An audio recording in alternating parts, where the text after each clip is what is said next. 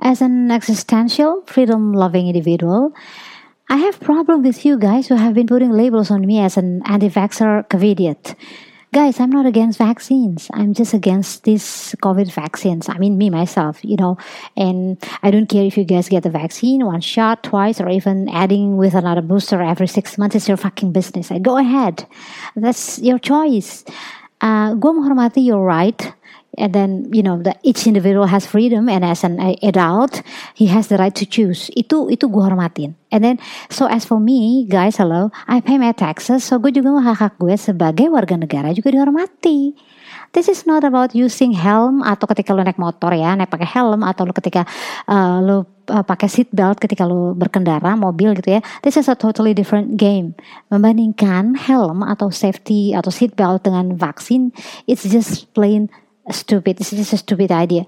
Nah, maksud gue gini, di negara yang katanya nih sudah merdeka 75 tahun dan bahkan minggu depan bakal merayakan kemerdekaannya yang ke-76 tahun. merdeka. Sadly, uh, gue tuh menyaksikan uh, that our political elites, uh, you know, uh, so into panic porn dan copy paste apa yang Western globalists or Western elites do to their people. Itu yang menurut gue uh, yang menyedihkan sih. Apalagi kalau bukan lockdown gitu ya.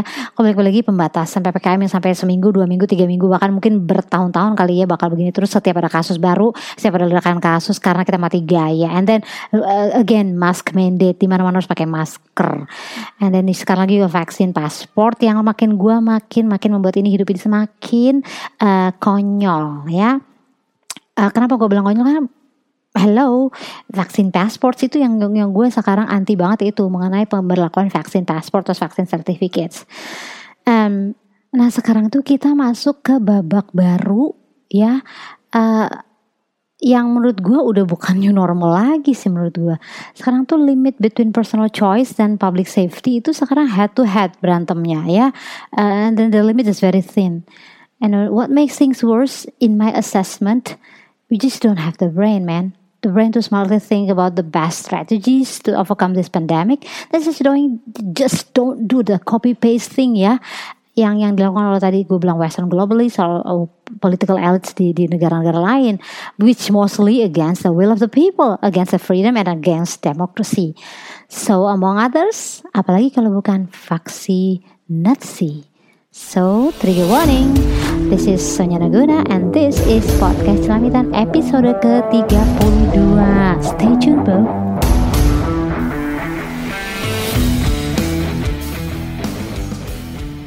Semua pasti tahu bahwa virus itu bermutasi. Dan vaccines itu uh, itu band-aidnya semacam uh, temporary uh, proteksi gitu ya proteksi sementara um, terhadap yang uh, previous mutation, jadi semacam varian sebelumnya atau mutasi sebelumnya, bukan yang terjadi sekarang, bukan jadi vaksin yang dilakukan dari periode Januari diproduksi di Januari misalkan sampai Maret atau sampai Juni sampai sekarang itu hanya untuk melawan uh, uh, varian yang ada pada saat itu pada saat di, di, di, dideteksi. Untuk yang sekarang tentunya vaksin yang ada nggak bisa ngatasin sekarang. Maka yang terjadi ialah uh, virus kayak sorry vaksin Pfizer itu efikasinya cuma 40%, uh, Sinovac cuma 30% terhadap varian Delta. Ya, jadi uh, yang paling penting itu ialah bukan vaksinasinya karena udah nggak penting sekarang justru. Uh, maksudnya dengan varian Delta dan nanti bahkan ada ketika virusnya bermutasi lagi akan ada varian baru lagi gitu ya yang penting ialah sekarang seperti gue bilang berkali-kali ialah early treatment early to cure itu yang paling penting nah del, setelah makin lama kita delay treatment ini early treatment ini virusnya akan makin kuat yang itu yang dikhawatirkan akan membuat mutasi mutasi atau uh, varian baru yang lebih infectious and more deadly yang dikhawatirkan seperti itu. Jadi kembali lagi, kayaknya bukan gue doang, berkali-kali banyak banget dokter yang gue follow atau apa namanya uh, dan gue alami sendiri bahwa early treatment itu very crucial sangat penting untuk ke pe, apa uh, penanganan pandemi atau penanganan virus COVID-19 ini. Nah ini yang kenapa gue bilang tidak terbukanya alternatif-alternatif seperti ini atau uh, narasi seperti ini untuk ke publik luas karena apa monopoli pemberitaan monopoli uh, narasi oleh para buzzer monopoli oleh uh, informasi oleh uh, big tech seperti itu itu seakan-akan men mengesampingkan peran dari uh, natural immunity atau kekebalan alamiah justru paling penting untuk uh, meng menghabisi atau uh, menyelesaikan pandemi ini lebih cepat.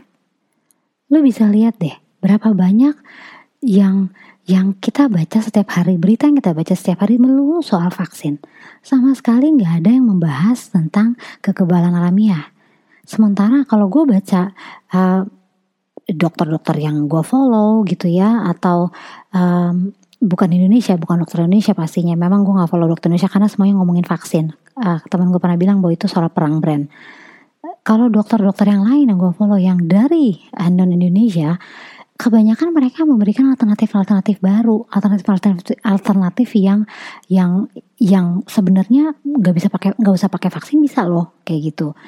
Uh, terus juga ke, kemungkinan ke, ke, luar biasanya Pfizer atau Moderna uh, yang akhirnya mengeruk keuntungan luar biasa besar dari penjualan vaksin. Yang yang yang aneh itu ialah nggak ketidakberimbangan, ketidakberimbangan uh, berita ya mengenai misalkan orang mau bahas ivermectin misalnya atau hydroxychloroquine itu kan disupres habis-habisan sama uh, big tech lords ya seperti Yahoo uh, sorry Yahoo lagi sorry seperti Google terus um, YouTube juga Twitter gitu ya. Itu dipersupras habis-habisan. Eh, sesuatu yang menurut gue uh, agak mencurigakan. Bukan agak lagi sangat mencurigakan. Kenapa gitu? Kalau memang ada ada peluang untuk bisa kenapa nggak dicoba gitu kan? Ya, untungnya untungnya kita masih punya brain sehebat uh, Erick Thohir yang dia maksa untuk tetap diadakan clinical trial. Walaupun BPOM entah apa di belakangnya gue gak ngerti.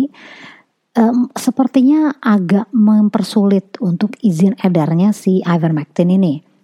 Ya, uh, dulu ada hydroxychloroquine. Gue inget-inget waktu zamannya Trump itu sempat dicaci maki, dilecehkan, uh, bahkan Profesor uh, Dr. Zelenko yang mem membuat protokol pengobatan dan profilaksis dengan uh, hidroksikloroquine pun sampai di permanen uh, di ban secara permanen oleh Twitter. Akhirnya dia membuka uh, channel khusus di Telegram. Ya, yeah.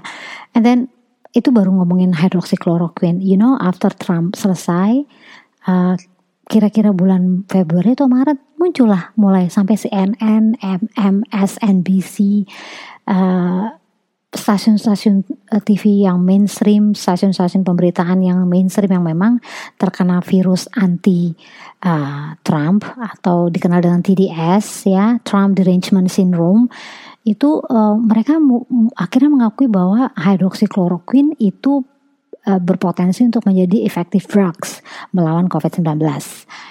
So it's too late already karena apa? Vaksin sudah didis vaksin sudah didistribusikan bukan?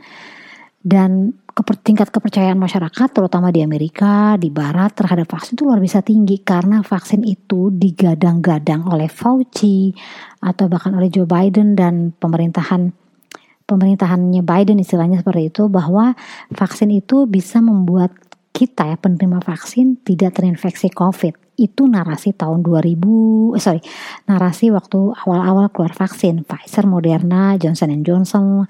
Kalau gue nggak pernah tahu ada mengenai Sinovac pernah pernah ngomong seperti itu atau enggak, tapi uh, karena gue follow kebanyakan orang-orang dokter-dokter Amerika atau um, uh, maksudnya orang-orang Amerika di following gue, gue itu sangat sangat sangat intens mereka punya dagangan mengenai vaksin efekasinya vaksin ini, ya. And then kemudian uh, sangat lucu, sangat lucu ketika waktu pada saat uh, Trump uh, berdebat debat presiden kedua dengan Joe Biden, kedua kedua dengan Joe Biden, di situ Trump bilang bahwa hmm, gue dia punya oh namanya operation warp speed. Jadi uh, kerja apa operasi untuk segera men menyegerakan uh, terciptanya vaksin untuk COVID-19 ya. Uh, itu dia bangga banget gitu bahwa uh, nanti di termin berikutnya dia akan mau menyelesaikan vaksinasi, akan memvaksinasi sebanyak-banyaknya penduduk Amerika seperti itu. And then you know what? Semua semua uh, uh, political opponentsnya termasuk media-media yang anti Trump itu narasinya sama bahwa mereka tidak akan menggunakan vaksin yang diperoleh dari pemerintahannya Trump. So this is this is yang yang luar biasa mengerikan. Kalau vaksin itu di di uh, di um, keluarkan pada saat Trump sedang berkuasa, mereka akan menolak menggunakannya. Dari Joy Reid ya, uh, salah satu anchor ter, ter, uh, besar juga di Amerika yang memang anti Trump banget, uh, pro Obama banget. Terus uh, even Kamala Harris bilang terang-terangan yang gak bakal mau sudi pakai vaksin yang keluar dikeluarkan oleh pemerintahannya Donald Trump.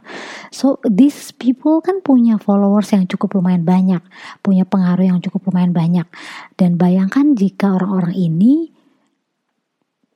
akhirnya uh, jika Donald Trump benar-benar akhirnya terpilih kembali, bayangkan luar biasa meruginya penjual-penjual vaksin atau big pharma seperti Pfizer, Moderna atau uh, Johnson Johnson jika akhirnya 70 juta aja 70 juta aja penduduk Amerika menolak itu 70 juta pemilih belum anaknya atau sebagai macamnya menolak untuk divaksin uh, karena masalahnya kebencian mereka terhadap Donald Trump.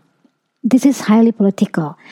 Itu terserah kalau memang karena memang kalian gak pernah gak pernah gue gak bisa menyalahkan karena memang konsumsi berita yang gue terima berbeda dengan konsumsi yang kalian terima. Sehingga lensa yang gue pakai untuk melihat masalah ini secara lebih lebih luas nggak bisa dengan gue nggak bisa maksain lu semua memakai lensa yang sama seperti yang gue lihat.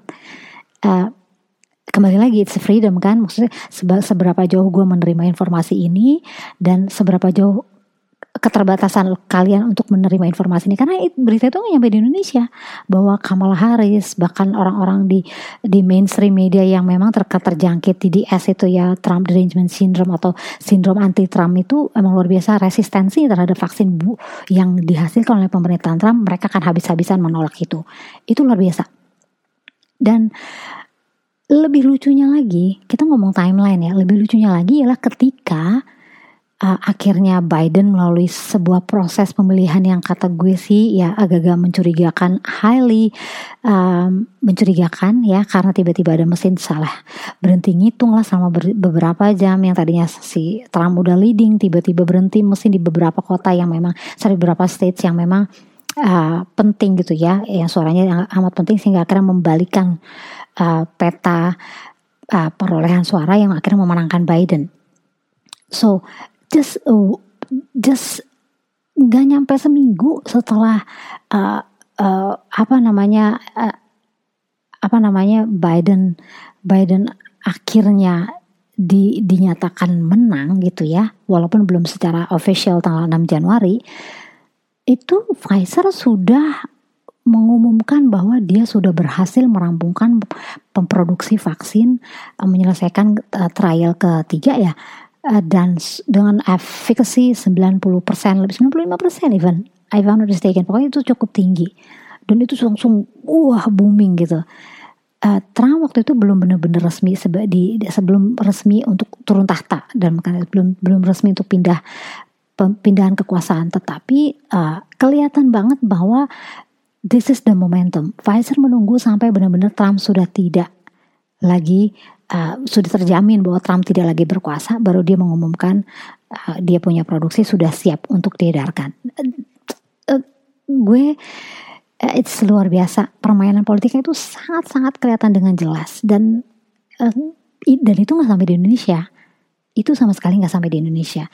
Jadinya ketika dari hydroxychloroquine terus juga sekarang uh, mengenai Pfizer launching Moderna launching just just uh, after the election proses selesai itu sesuatu yang yang membang, membangkitkan tanda tanya besar buat gue sendiri dan banyak teman-teman gue lainnya juga.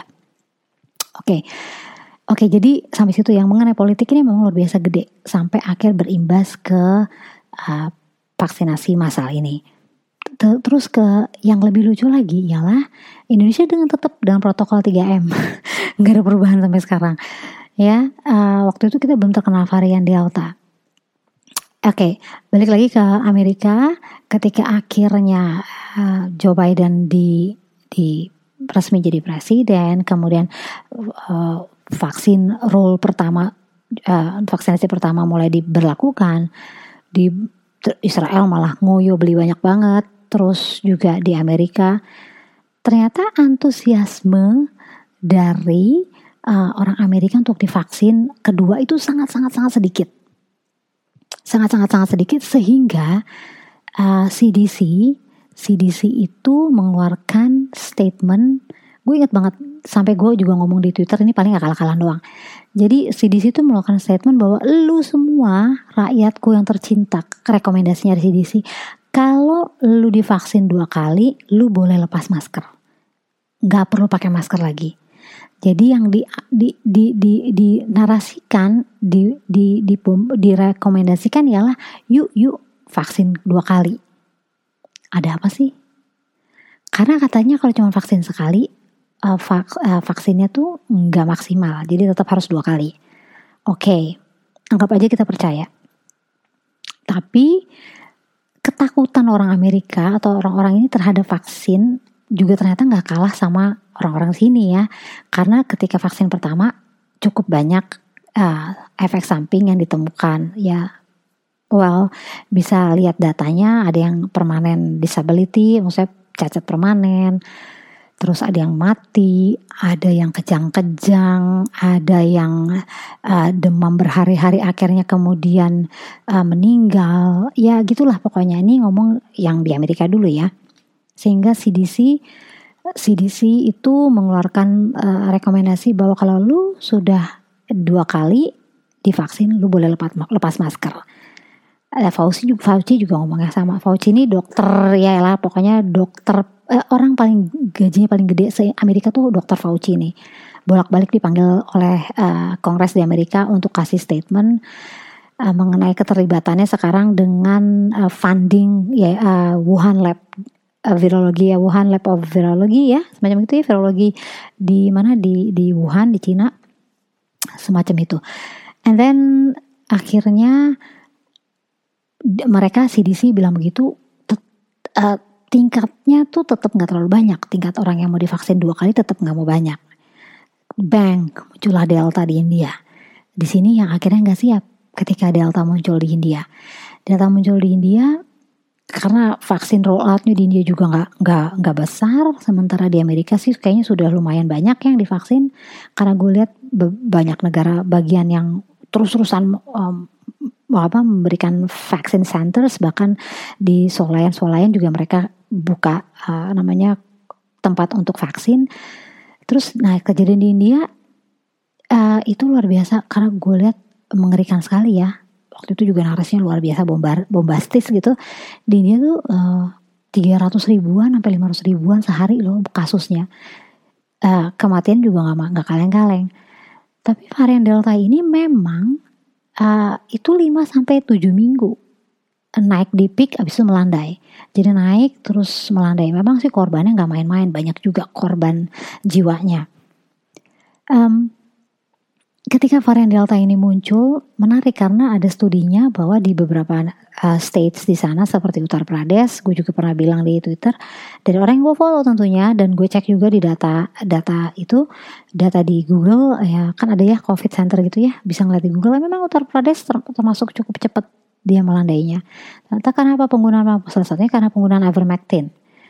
Kemudian juga di Mexico City, di mana pada saat itu mereka justru menggunakan kayak pengobatan ada apa box-box pengobatan ketika lu kena lu langsung dikirim ini ketika lu kena dikasih dulu kirim ini. Jadi ada ada beberapa ada lu bisa lihat deh uh, mereka trial dengan beberapa berapa puluh ribu orang dengan ivermectin beberapa puluh ribu orang tanpa ivermectin. Jadi kuncinya ialah early treatment tadi ketika lu punya gejala langsung dikasih obat sama pihak pemerintah dan itu dalam bentuk box-box kecil untuk mereka segera ditangani dan hasilnya yang dengan ivermectin sangat memuaskan. Di Peru juga pakai itu, di uh, beberapa beberapa negara di Afrika juga akan memakai ivermectin, bisa dilihat di ivermeta.com ya kalau mau lihat lebih jelasnya. banyak yang skeptis dengan penggunaan obat cacing. Mereka selalu ngomong obat cacing buat apa, obat cacing buat apa. Well, uh, sebagai gue yang gue gue kenapa gue gue tertarik banget dengan ivermectin uh, dari bulan uh, Januari atau Februari tahun ini gue tuh udah sudah melihat nama ini nama obat ini muncul di Twitter timeline gue sampai gue di tweet deck di tweet deck tuh gue punya uh, search khusus yang namanya ivermectin. Jadi setiap percakapan orang mengenai ivermectin tuh hampir 80 sampai 85% di, di yang memakai ivermectin pada saat periode ya, periode Februari sampai uh, ya sampai sekarang ya. Kebanyakan hampir 80% tuh responnya positif gitu dari mereka yang memakai ivermectin. Jadi gue bukan ujuk-ujuk karena itu Zelenko yang ngomong atau gue juga baru tahu FLCCC itu juga baru pas gue kena covid bulan Juni lalu sebelumnya gue nggak nggak tahu gue cuma taunya oh sekarang orang pada, orang pada ngomongin ivermectin. Gue even ngomong sama Joey ya Jonathan Mahina gue ngomong pribadi ke dia waktu itu gue DM lu lu tau ivermectin gak sih? Gue bilang gitu.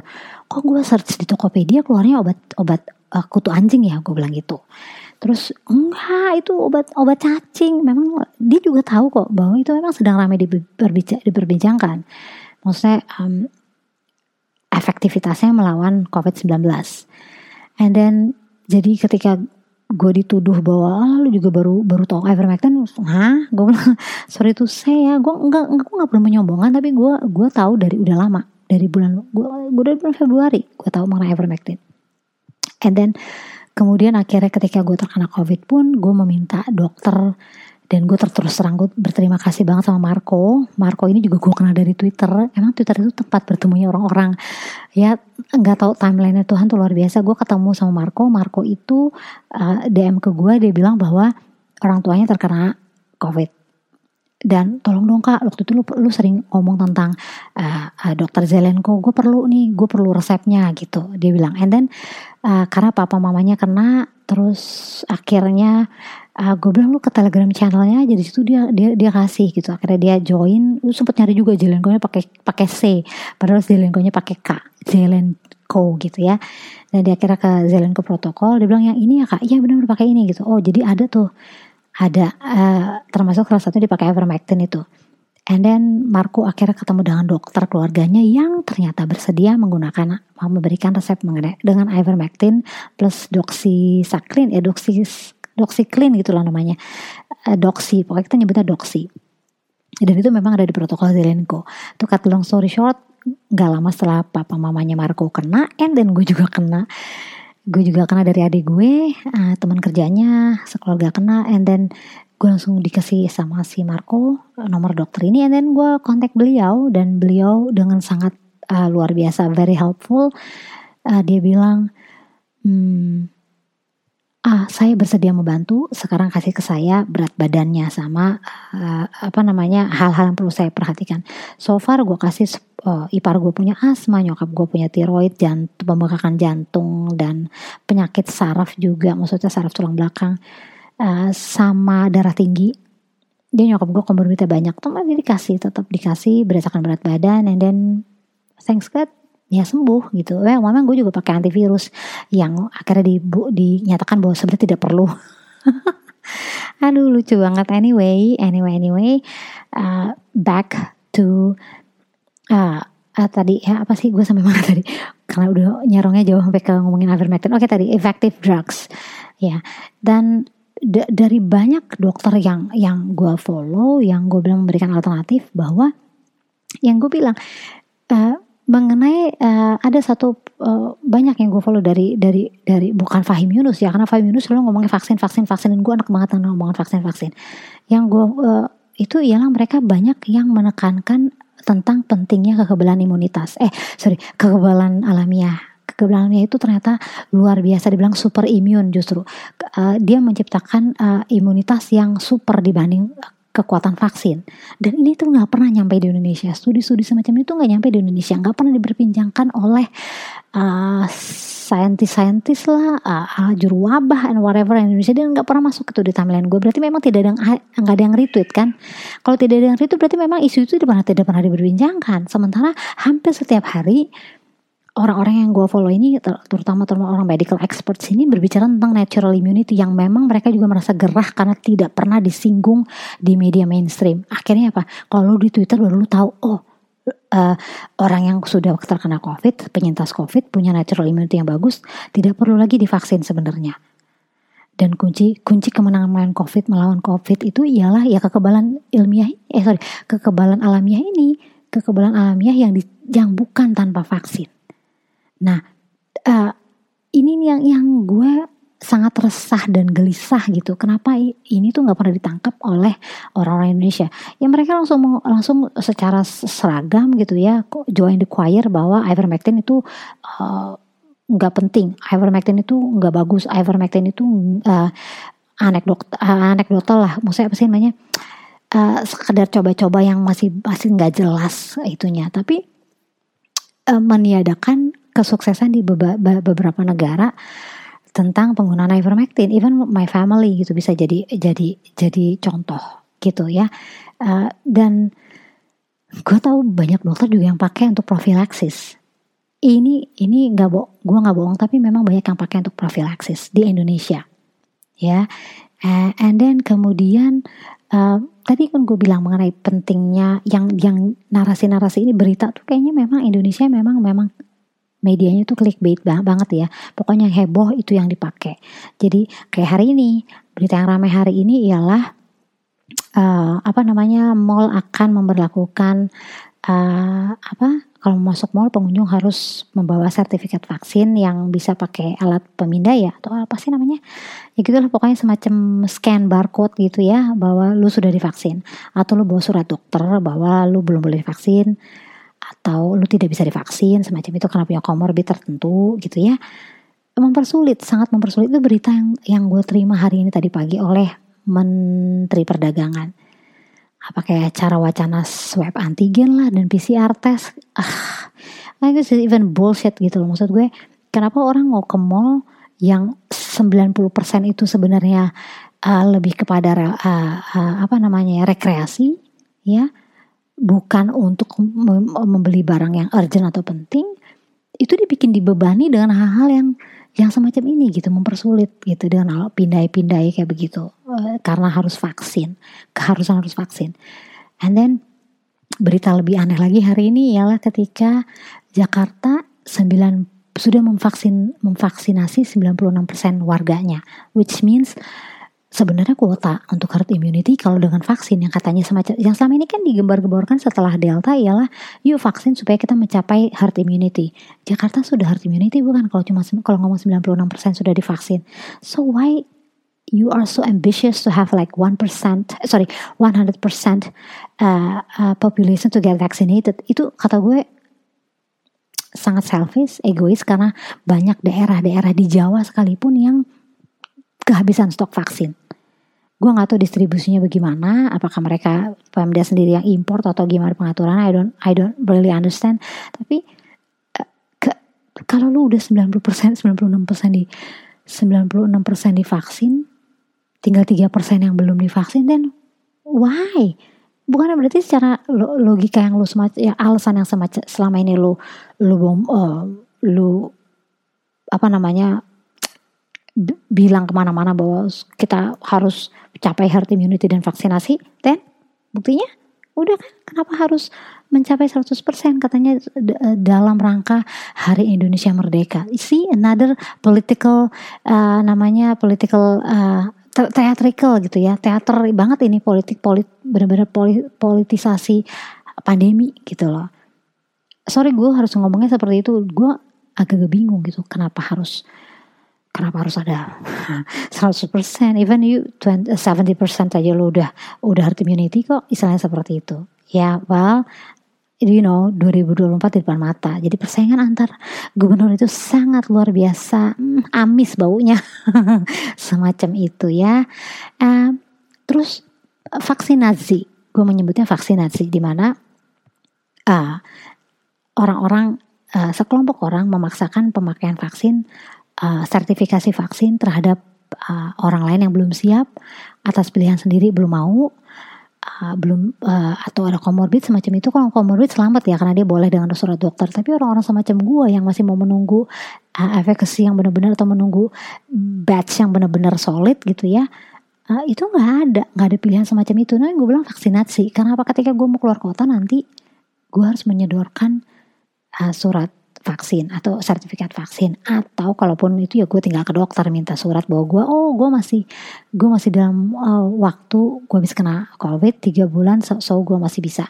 Nah yang yang yang gue gue benci dari ini ya ketika nggak ada pernah ada narasi uh, tidak pernah ada uh, informasi mengenai kekebalan alamiah nyampe di berita Indonesia sehingga hal ini pun gue sanksi bahwa orang-orang penting di istana itu ngerti tentang pentingnya kekebalan alamiah. Karena apa? Kalau lu sudah kebal secara alamiah, you don't have to get vaccine. Kan lu udah kebal. Vaksin itu tugasnya apa sih? Vaksin itu kan untuk menciptakan antibodi untuk melawan virus. Dan kalau gue sudah punya antibodi itu, why should I get a vaccine? Betul nggak? Nah, ini ini hitung-hitungan kayak gini tuh nggak nyampe, nggak nyampe di uh, apa namanya pelaku vaksinasi seperti itu ya vaksinasi maksudnya kayak Jerman Nazi Jerman itu loh. Maksudnya pemaksaan secara uh, otoriter bahwa lu, kalau lu mau berpartisipasi di secara sosial lu harus divaksin dulu.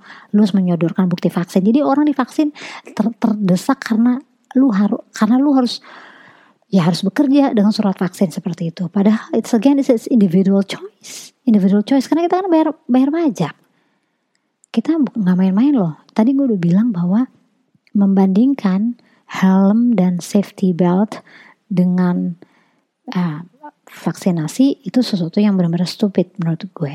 Dan memang bukan menurut gue banyak juga yang bilang memang very stupid kok. Karena apa? Lu bisa copot helm, lu bisa copot uh, safety belt, tapi lu nggak bisa copot vaksin, lu nggak bisa andu vaksin yang udah masuk ke tubuh lo. Itu, itu maksud gue. Kenapa membandingkan kedua hal itu sesuatu yang sangat goblok sangat goblok menurut gue. Ya jadi orang kalau ngomong-ngomong gitu aduh please debo. Nah balik lagi nih gue kayak emosi kalau ngomongin helm sama safety belt. And then balik lagi tentang herd immunity eh, sorry herd immunity. Tentang uh, gue penyumbang herd immunity karena gue sudah imunitas gue sudah bagus dengan kekebalan alamiah tadi kan dan karena gue sudah terinfeksi covid dan sembuh covid. And yang yang kenapa gue akhirnya berpikir bahwa ini gak fair satu vaksin di Jakarta luar biasa besar dan di Jakarta di luar Jakarta uh, setengah mati orang nyari vaksin stoknya habis gitu ya. Padahal vaksinasi kayak Sinovac aja harus 14 sampai 2 minggu untuk vaksin jawab kedua. Jab kedua. Terus kalau Pfizer oke okay, uh, gue nggak tahu ya Pfizer Indonesia AstraZeneca 3 bulan ya. And akhirnya gue berpikir ini satu egois demi polit, uh, ambisi politik. Dan kedua ketidaktahuan bahwa uh, kekebalan alamiah itu uh, menyumbang kepada herd immunity. Itu itu nggak nggak ada dalam pikiran orang-orang seperti ini bahwa uh, orang-orang seperti gue yang nggak perlu divaksin ngapain tiga bulan lagi harus vaksin? Mendingan vaksinnya dikasih ke orang yang membutuhkan. Saudara-saudara gue di di Saumlaki sana saudara-saudara gue di kepulauan sana tuh belum tentu udah udah ada dapat jatah vaksin. Mungkin hanya nakesnya aja tapi rakyatnya enggak. Padahal lansia banyak di sana itu semacam ini yang akhirnya membuat gue sangat miris gitu. Kenapa harus seperti ini ya penanganannya penanganannya? Itu yang kedua yang tadi gue bilang gue I have my natural immunity and I have to get vaccine. Terus yang ketiga virus ini punya 99% survival rate which means kalau lu cepat ditangani lu kan sembuh lu 99% beda sama kanker ya. Beda sama polio mungkin yang memang harus segera divaksin supaya lu nggak kena. Uh, ketika lu punya 99% kan sembuh, dan kenapa harus vaksin? Itu aja sih menurut gue pernyataan pertanyaan gue.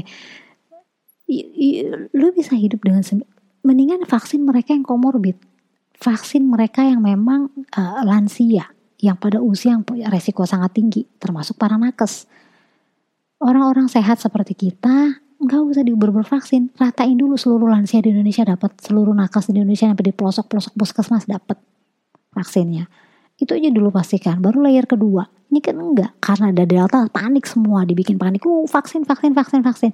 Kalau lu nggak mau vaksin, kucilkan secara sosial. Jangan dibeli barangnya, jangan ditemenin, jangan dibalas WhatsAppnya.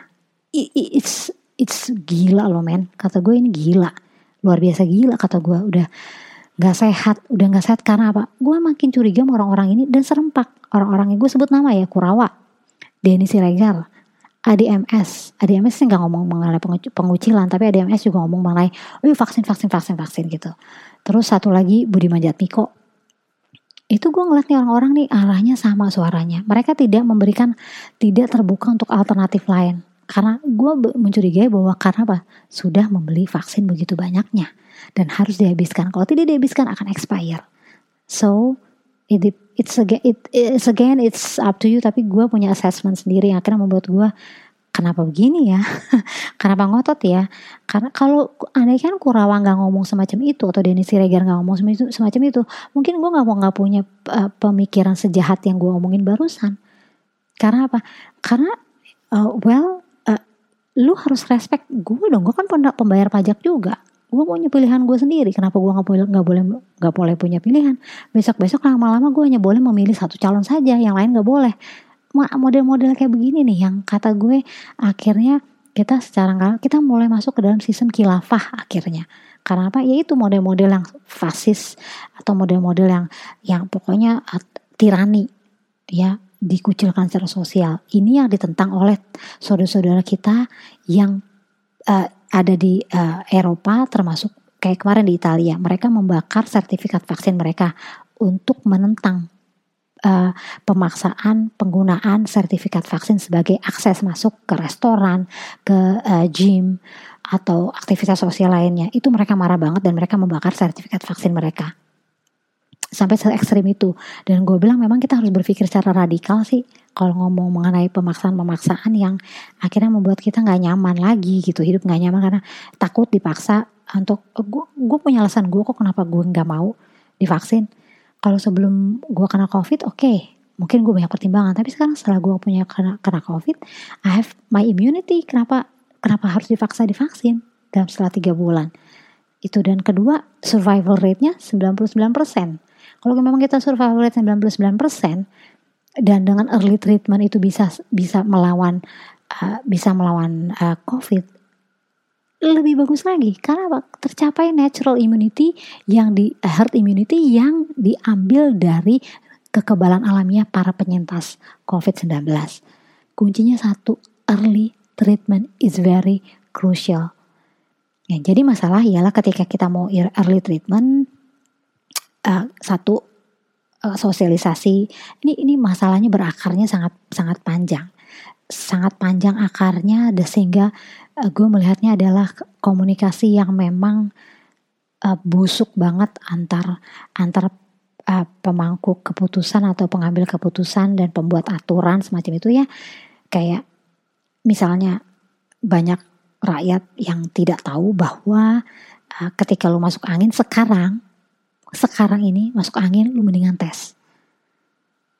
Cari rujukan uh, cari uh, lokasi uh, rumah sakit rujukan covid atau puskesmas antigen aja.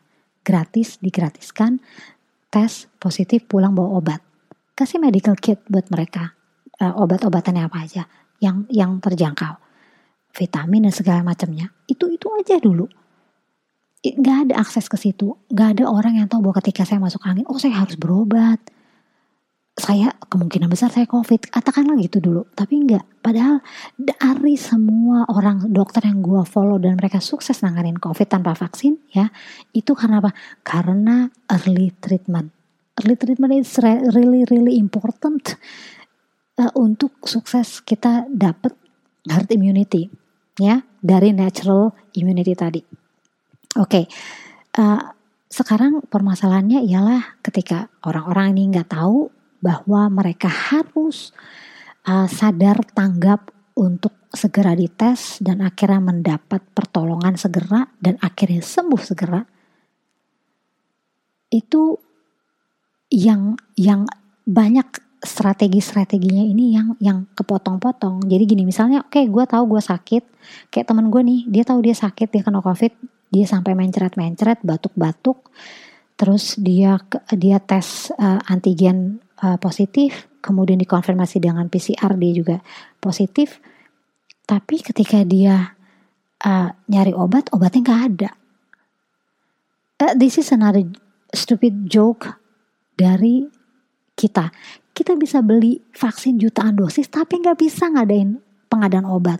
Udah tahu Delta itu udah siap di India, udah ada, kita tinggal masuk di kita kan kita kesiapan kita gimana it's really ridiculous how how these people this elite uh, manage uh, peng, penye, pe, apa namanya pengelolaan pandemi. Itu gue bilang luar biasa. Uh, tolol. Nyokap tadi teman gue yang tadi itu nyokapnya juga kena. Akhirnya dia nunggu tiga hari. Tiga hari baru dapat namanya om oseltamivir. Aduh gue udah gak bisa ngomong lagi. Untung tuh nyokapnya tetap dikasih vitamin tetap minum vitamin. Udah batuk juga udah minum vitamin. Dan dia dibawa enjoy aja jadi nggak begitu mental yang nggak terlalu nggak terlalu parah. Tapi dia udah antigen sudah uh, uh, positif pada saat itu. Uh, uh, sampai Jokowi sendiri uh, sidak. Gue nggak tahu sidak benar apa enggak karena pasti pakai kameramen which means uh, it's all staged menurut gue dia sidak ke sebuah apotek dan di situ dibilang obat-obat itu nggak ada. Hello, di tengah ppkm, di tengah delta yang sedang berkecamuk, obat nggak ada. And it's, itu jadi sesuatu yang dibangga-banggakan ketika dia sidak. Yang dibanggakan tuh dia sidaknya, dia negor menterinya. Bukan yang di, bukan kenyataan bahwa banyak orang isoman mati gara-gara nggak punya nggak ada obat. This is another joke yang gue bilang Kok parah ya? Kok parah banget ya, Bo? Jadi oke, okay, tadi segera di tracing pertama gue bilang segera diobati, tapi ketika obatnya nggak ada, banyak yang meninggal. Ketika isoman. Karena apa? Rumah sakit penuh. Pertama orang tidak tahu bahwa dia terkena COVID karena dia pikir dia masuk angin, karena komunikasi dari antar yang unit terkecil misalkan, PRT-nya ngingetin warganya di WhatsApp grup, Bapak, Ibu, yang sakit masuk angin, yuk swab, hubungi puskesmas terdekat itu nggak ada. Jadi mereka tidak tahu bahwa mereka masuk angin. Karena zaman dulu kalau masuk angin dua hari juga sembuh sendiri, nggak perlu pakai vitamin, nggak perlu minum obat flu semacam itu. Sekarang perangnya beda dan mereka ini nggak tahu orang-orang di bawah bahwa ini kita berhadapan dengan perang yang berbeda dengan masuk angin yang dulu. Itu informasinya nggak nyampe, jadi menyepelekan. Akhirnya ketika itu disepelekan, mereka sudah parah, sudah sesak napas, baru lari terhuyung-huyung ke rumah sakit. Begitu banyaknya rumah sakit penuh, tidak tertangani, akhirnya oksigen habis. Seperti terjadi di uh, rumah sakit di Yogyakarta dan beberapa rumah sakit lainnya. Nger ngeri gak sih? ngeri gak? Maksudnya ini satu masalah komunikasi, rantai komunikasi putus di mana gue nggak ngerti. Rantai informasinya putus di mana gue nggak ngerti sehingga banyak orang yang di bawah yang tidak sadar bahwa mereka terkena covid. Kedua ketika mereka sadar pun sudah telat. Sudah telat karena rumah sakit sudah penuh akhirnya balik lagi ke rumah berobat di rumah dan tidak tertolong. Akhirnya banyak yang isoman di rumah dan tidak tertolong kan? Seperti itu cukup tinggi angkanya. Terus Oke, itu mengenai informasi yang pertama, rantai komunikasi uh, dan informasi yang tidak memadai. Kedua, ketika mereka cepat-cepat berobat pun obatnya nggak ada. Seperti yang, di, yang dipermasalahkan oleh Jokowi ketika dia sidak. Dia menegur menterinya kenapa obatnya nggak ada. And then this is yang gue bilang tadi very ridiculous. Ya, dan ketiga, masyarakat harusnya ketika dia udah early treatment ada obat, harusnya sembuh dong. Nggak perlu ngomong vaksin dulu, Pak vaksin itu orang-orang di luar Jakarta, di luar Jawa yang butuh karena mereka udah tua, lansia dan mereka komorbid. Itu aja dulu karena mereka high risk. Yang lain sambil nunggu, sambil nunggu survive aja. Kenapa? Maksud gue gini, early treatment itu krusial. Gue nggak pernah nggak pernah berhenti capek untuk yang ngingetin. Early treatment saves lives. Permasalahannya yaitu kembali balik lagi ke awal nggak tahu kalau kena covid informasinya nggak nyampe obatnya nggak ada akhirnya bonyok di rumah sakit di rumah sakit ditolak karena sudah penuh. Begitu terus. Mau sampai kapan? Akhirnya apa? Kembali lagi kan? Oh kasus banyak lockdown. Kasus banyak ppkm kasus banyak vaksin yang banyak ngumpul di Jakarta semua. Makanya Jakarta 96% mencapai herd immunity dengan vaksinasi. Konyol kan? Padahal 70% saja sudah herd immunity harusnya. Oke, 96% ya, Bu. Itu vaksinasi ini akhirnya membuat seorang gubernur Jawa Tengah Ganjar yang bilang pemaksaan sertifikasi vaksin gak fair buat mereka. Mal-mal di tempat mereka karena apa nggak belum semuanya divaksin di mereka. Nah jadi lucu kan ya Bo maksud gue uh, kita lihat aja deh kenyataan bahwa yang divaksin tetap bisa kena covid. Itu satu. Kedua yang divaksin juga bisa menyebarkan covid itu fakta yang tidak bisa dibantah sampai saat ini jadi persetan dengan narasi bahwa kalau lu kena vaks, kalau lu nggak divaksin, lu bisa lebih parah. Kalau divaksin, lu nggak terlalu parah, nggak ada penumpukan di rumah sakit. The hell with that. Yang pertama itu dulu yang pertama, yang paling penting bahwa yang divaksinasi bisa tetap kena COVID dan yang kedua bahwa yang divaksinasi tetap bisa spread COVID. Ya, tetap bisa menyebarkan uh, COVID ke mana pun juga. Kalau yang nggak mau divaksin dia kena dari yang divaksin, masalahnya ada yang tidak divaksin. Bahwa dia memilih untuk tidak divaksin atas pertimbangan sendiri, kalau dia kena dan dia parah, dia parah itu kan pilihannya dia sendiri. Dia pilihannya kalau dia pun meninggal misalnya karena dia memilih untuk tidak divaksin, itu pilihan dia sendiri. Jadi resikonya itu masing-masing personal choice, bukan masalah dari uh, sosial so, so, society lagi. Ini nggak ada urusan sama society. Ini urusannya adalah individual choices yang dia yang setiap orang pakai. Ya, jadi gue ulangin lagi, nggak susah kok. Uh, logik permainan logikanya nggak susah. Lu divaksin, lu bisa tetap kena, lu divaksin juga lu tetap bisa nyebarin covid ke orang yang tidak divaksin. Dan orang yang tidak divaksin kalau dia cepet tanggap bahwa oke okay, gue gua gak mau divaksin tapi gue tahu bahwa ketika gue kena gue akan langsung cari obat. Ketika gue gue kena gue tahu bahwa early treatment saves my life karena gue punya 99% kemungkinan gue bisa tetap hidup atau survive. See? Simple toh sebenarnya justru yang punya super immunity itu justru mereka yang tidak divaksin. Itu fakta, fakta atau uh, studi yang tidak bisa dibantah. Ya, sampai sini dulu aja deh maksud gue.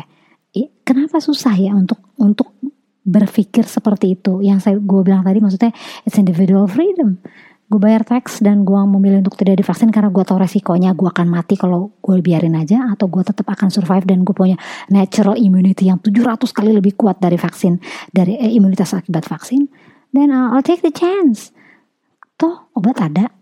Bisa dicari dan kita bisa diobati. 99% bisa sembuh men. Itu loh maksud gue. Kenapa? Permain uh, yang gue bilang gue gak setuju banget dengan vaksinasi seperti ini. Nggak penting buat gue vaksinasi ya uh, pertanyaan yang sebenarnya pertanyaan yang mirip-mirip itu gini.